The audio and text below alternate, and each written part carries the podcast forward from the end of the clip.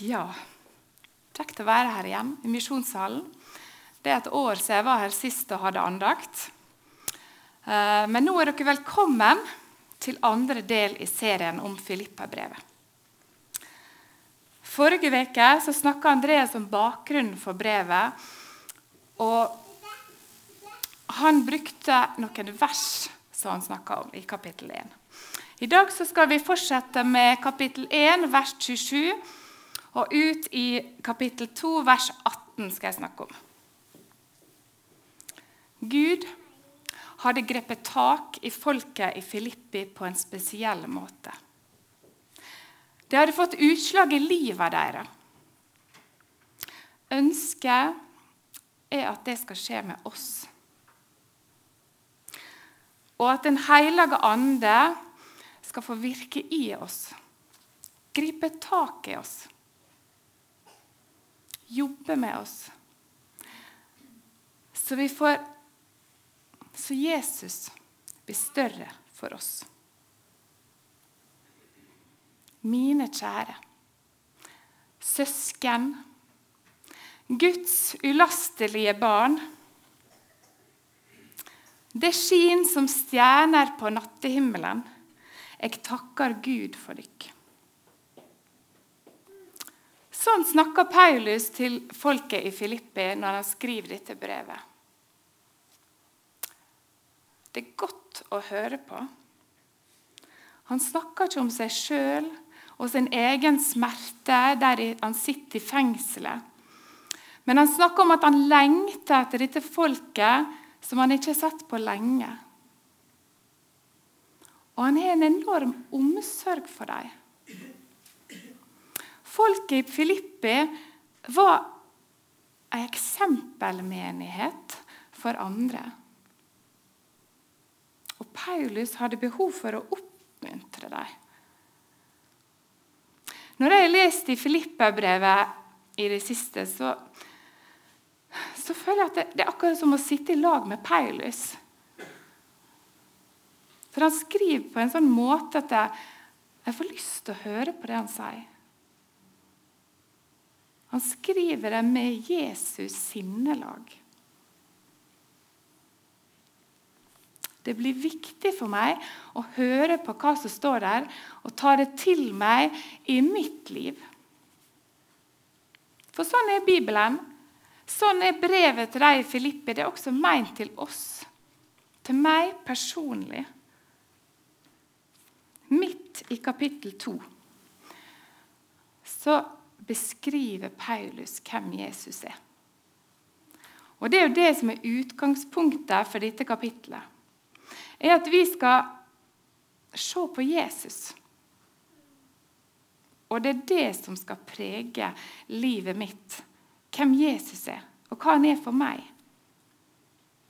Og Da skal vi lese akkurat disse versene fra kapittel 2, vers 6.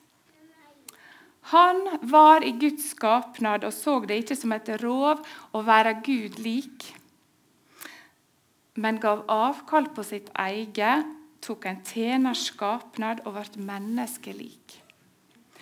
Da han sto fram som menneske, fornedret han seg sjøl og ble lydig til døden. Ja, døden på krossen. Derfor har òg Gud opphøgd han til det høgste og gjeve ham navnet over alle navn. I Jesu navn skal de for hvert kne bøye seg, i himmelen, på jorda og under jorda. Og hver tunge vedkjenner at Jesus Kristus er Herre, til Gud Faders ære. Og Nå skal du få se på disse ordene. Da står de oppe på veggen. Og Nå skal vi være litt stille.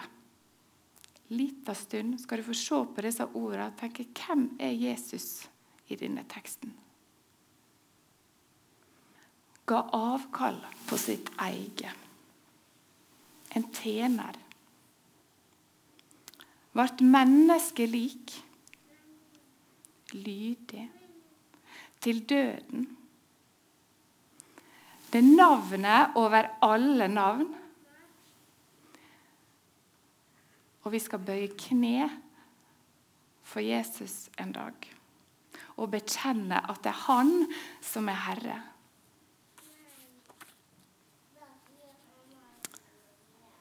Overskrifta på dette avsnittet er 'Strid for evangeliet for Kristi, med Kristi sinnelag'. I vers 27 så skriver Paulus om at vi skal leve et liv som er Jesus og Kristi evangelium verdig. Forrige uke sa Andreas i vers 21 å leve er for meg Jesus. Å leve er for meg Kristus. At det livet mitt skal opphøye Jesus og ikke meg sjøl.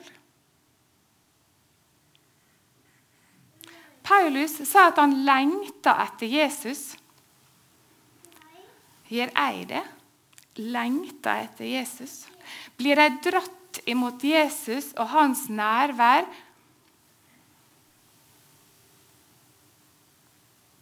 Så sier Paulus dere er Guds ulastelige barn.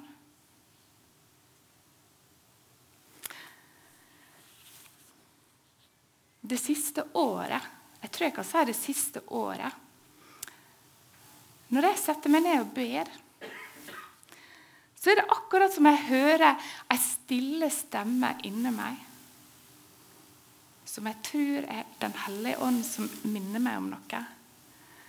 Så sier barnet mitt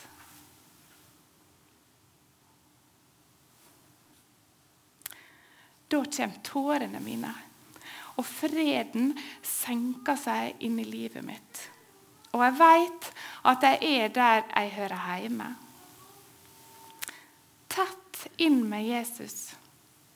I posisjon til å lytte, til å høre gjennom ordet hvem jeg er.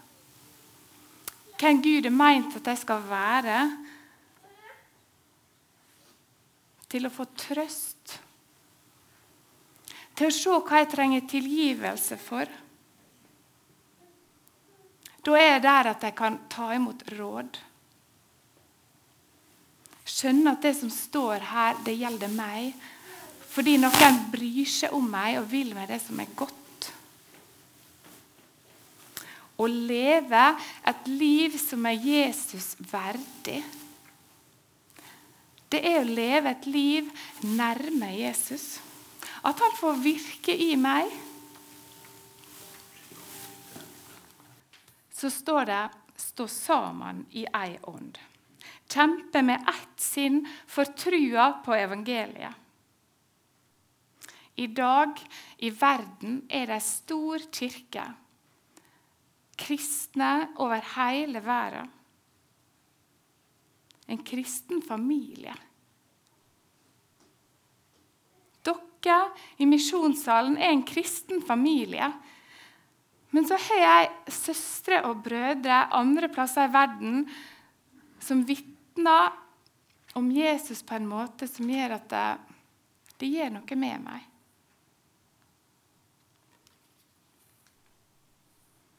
Daniel på dette bildet han vitner om det som står i vers 29, om å lide for Jesus.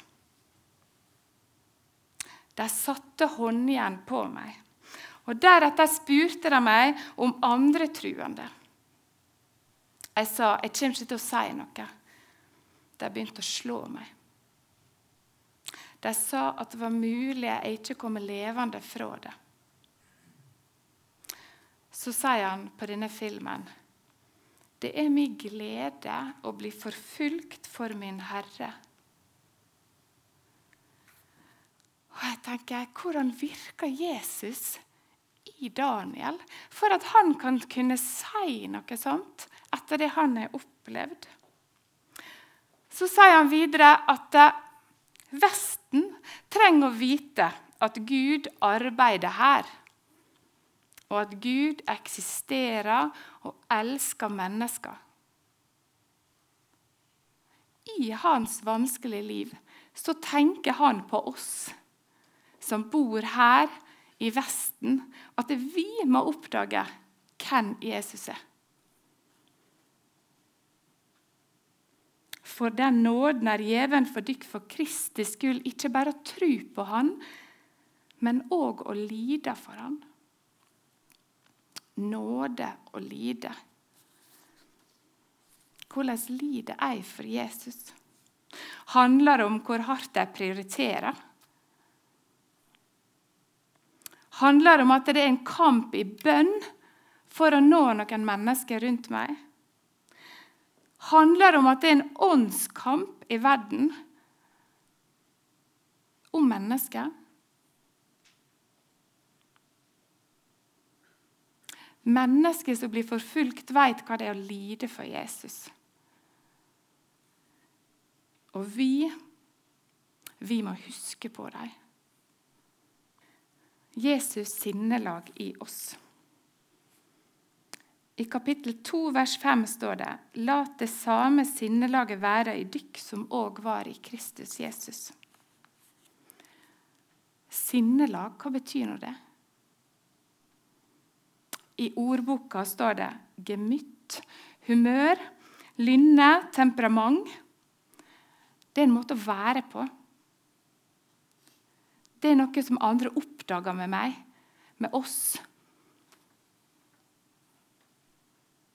Det er noe som påvirker andre. Det er noe som påvirker meg. Og Jesus er ikke bare et forbilde for meg i måten han møtte mennesker på, og hva han gjorde på jorda. Men det handler om hvem han var, hvem han kom for å være. Det er ikke en menneskelig øvelse. Men det er noe Gud ønsker å se i mitt og ditt liv. For meg og for mennesker er det naturlig å tenke hva fordel har jeg av dette? Hva vil denne kjærligheten bety for meg? Hva gevinst kan jeg få av dette? Jesus i Getsemane han sa til far, 'Ikke som jeg vil, men som du vil'. Kjærligheten gjør blind, sier vi. Men i forhold til Jesus sin kjærlighet så gjør den oss seende. Hva er Guds vilje for livet mitt? Hva er Guds vilje for de menneskene rundt meg?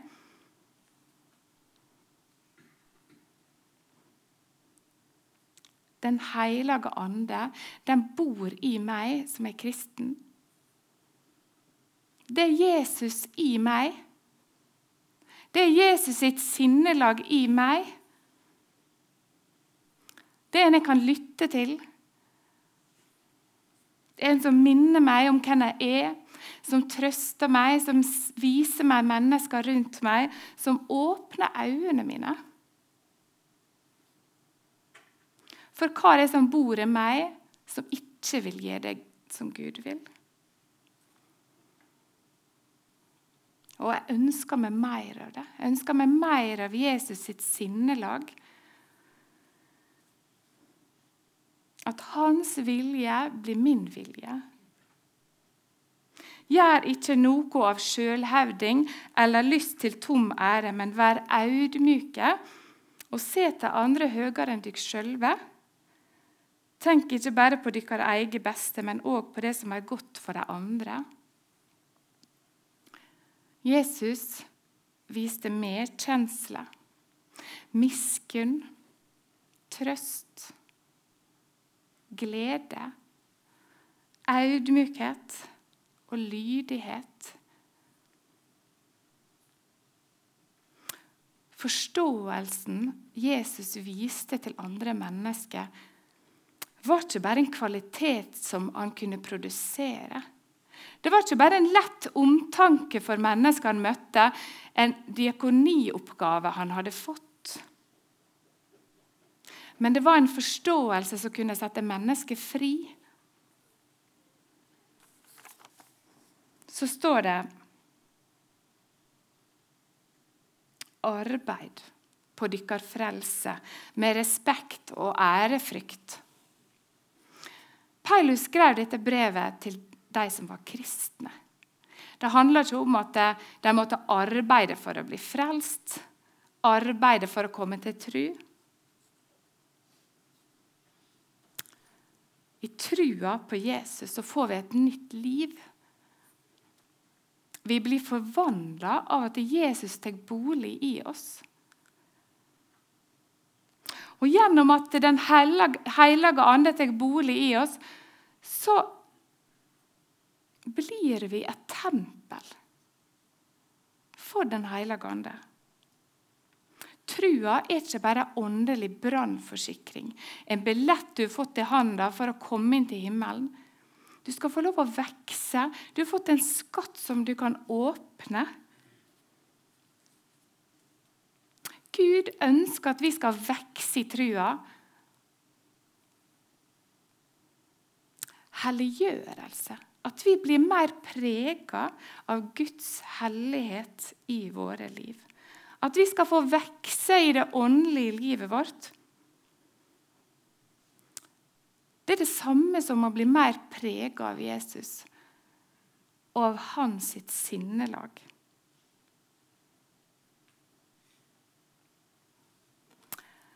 Når jeg leste dette, så tenkte jeg på en pianist. Som får et flott verk opp i hendene som veit alt om disse notene. Veit hvordan dette, kanskje den musikkstilen er, veit hvem som har skrevet det. Jeg tenkte ja, dette, dette er et flott stykke.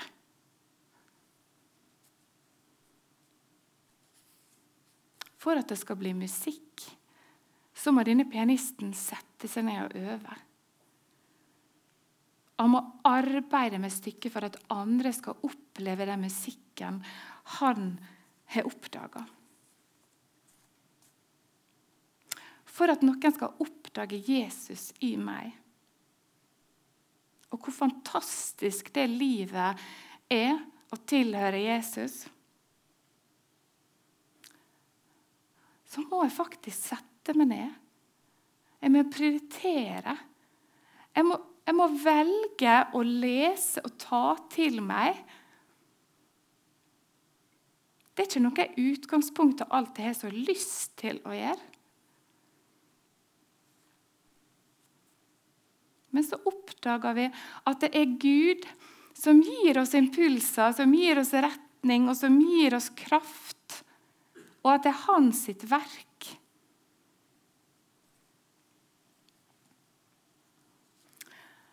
Jeg tenker av og til at jeg kommer, tenker meg inn i en situasjon der jeg kommer til legen og får diagnosen hastesyken. Og Så får jeg utdelt en resept der det står 'slakke ned'. For min del så er travelheten i min hverdag det er en stor fiende i det åndelige livet mitt. Jeg blir så forstyrra at jeg kanskje nøyer meg med en middels versjon av trua.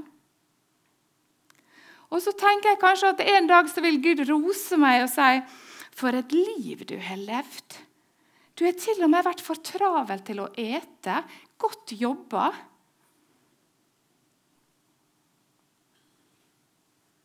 Når vi skal følge Jesus, når jeg skal følge Jesus, så kan jeg ikke gå fortere enn Jesus gjør.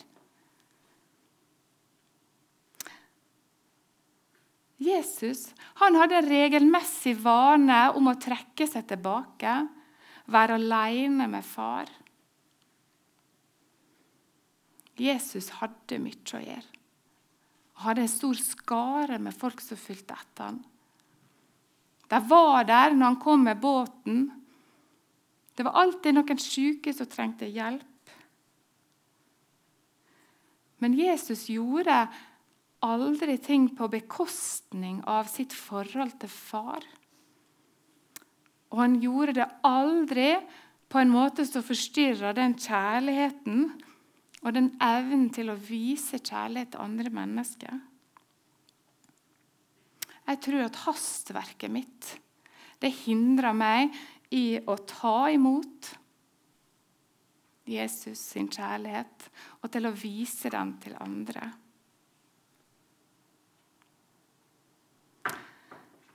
Søren Kirkegård han sa presset fra travelheten er som en trylleformular. Dens makt vokser. Den strekker seg ut hele tiden for å legge beslag på stadig yngre ofre, slik at barndom og ungdom knapt får lære seg stillheten å kjenne. Der hvor det evige kan utfolde en guddommelig vekst. Stillheten.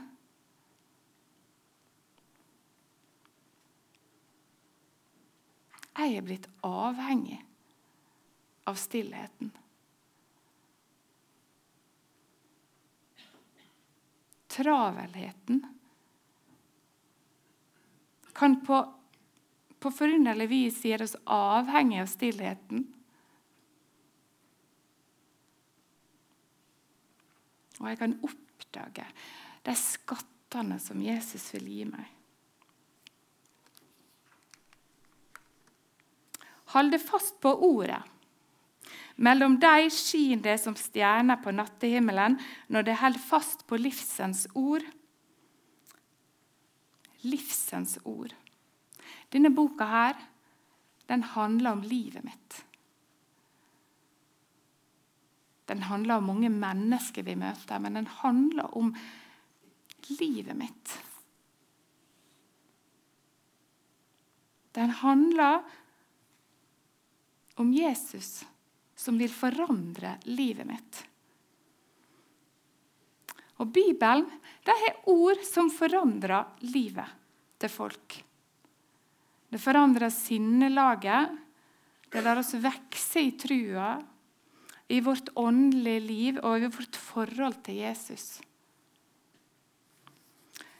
Og I 1. Tessalonika-brev 2,13 står det Derfor takker vi stadig Gud. For da vi fikk overlevert det Guds ord som vi forkynte for dykk, tok de imot det, ikke som menneskeord, men som det Guds ord det i sanning er. Dette ordet verker med kraft i dykk som trur.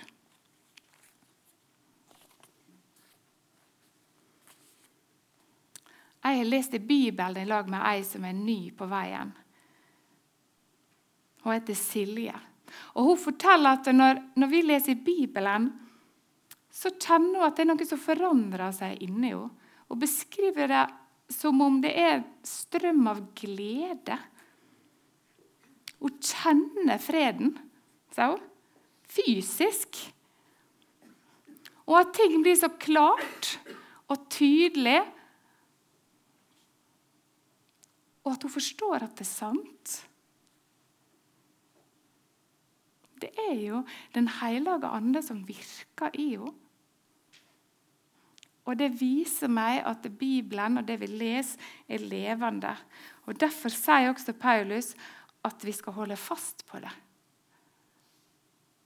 Holde fast, holde oss nær.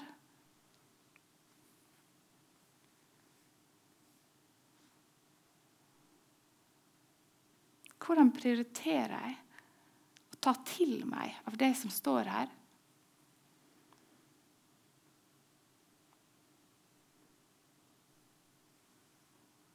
Skal jeg bruke adventstida nå på å lese et kapittel hver dag i Lukasevangeliet sammen med familien min. Istedenfor å stresse med å bake og, og styre og ordne med alt det andre som jeg tenker på oppi hodet mitt.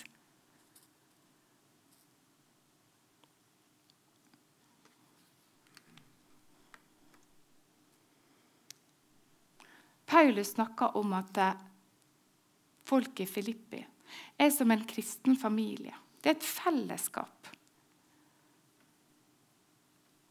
Og dere Misjonssalen er som en familie. Og Det mest fantastiske å tenke på er at vi har en fullkommen, kjærlig far som ofrer livet sitt for oss. Vi er skapt til å leve i lag og i relasjoner på, på bakgrunn av nåde. Det er trygge familiebånd. Unger trenger trygge voksne.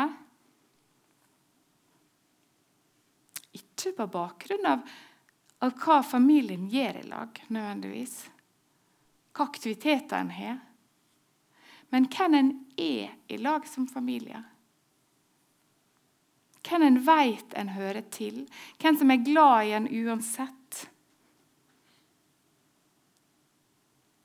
Og sånn er Jesus. Han er ikke opptatt av hva vi gjør, men hvem vi er. Og en dag så skal vi bekjenne hvem vi tilhører, ikke hva vi har gjort, men hvem vi er. At vi tilhører Jesus og hans navn. Og vi skal bøye kne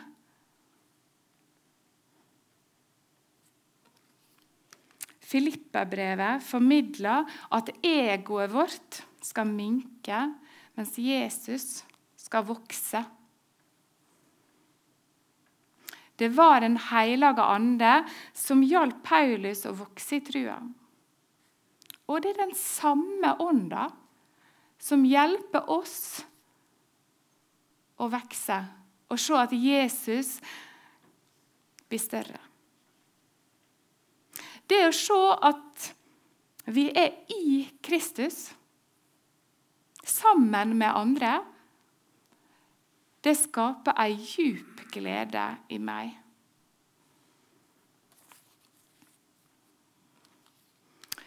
Og det skaper ei djup glede i meg som jeg bare har så behov for å dele. Og det er glede for hele folket at flere i denne verden må få høre dette budskapet. Tenk at vi er med på å gå til nye folkeslag. Ja, det var et bilde til, men Tenk at vi er med på å gå til nye folkeslag med dette budskapet. Til folk som ikke har hørt. Og I Misjonssalen og i Misjonssambandet så er vi med på å gå til nye folkeslag. Det er over tre milliarder mennesker i denne verden som aldri har fått hørt at Jesus er veien til Gud. Og min bønn er at Jesus sinnelag må få være i oss alle. denne adventstida og resten av livet.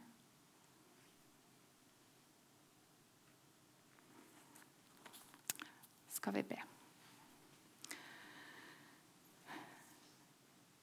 Nå takker jeg Jesus for, for det ordet vi har fått hørt. Takk for den du er. Og Jesus, jeg ber om at du må få vokse i oss. Du må få bli større for oss. Og Jeg ber deg spesielt om det denne perioden nå fram mot jul, og at vi skal feire at du kom, Jesus. Jesus, takk for at vi kan få komme til deg uansett hva vi har gjort. Du tar imot oss med åpne armer, og du vil vil bare at vi skal være tett inn med deg, sånn at du kan virke i oss. Minn oss om hva som er viktig i våre liv. For vår familie og for vårt fellesskap.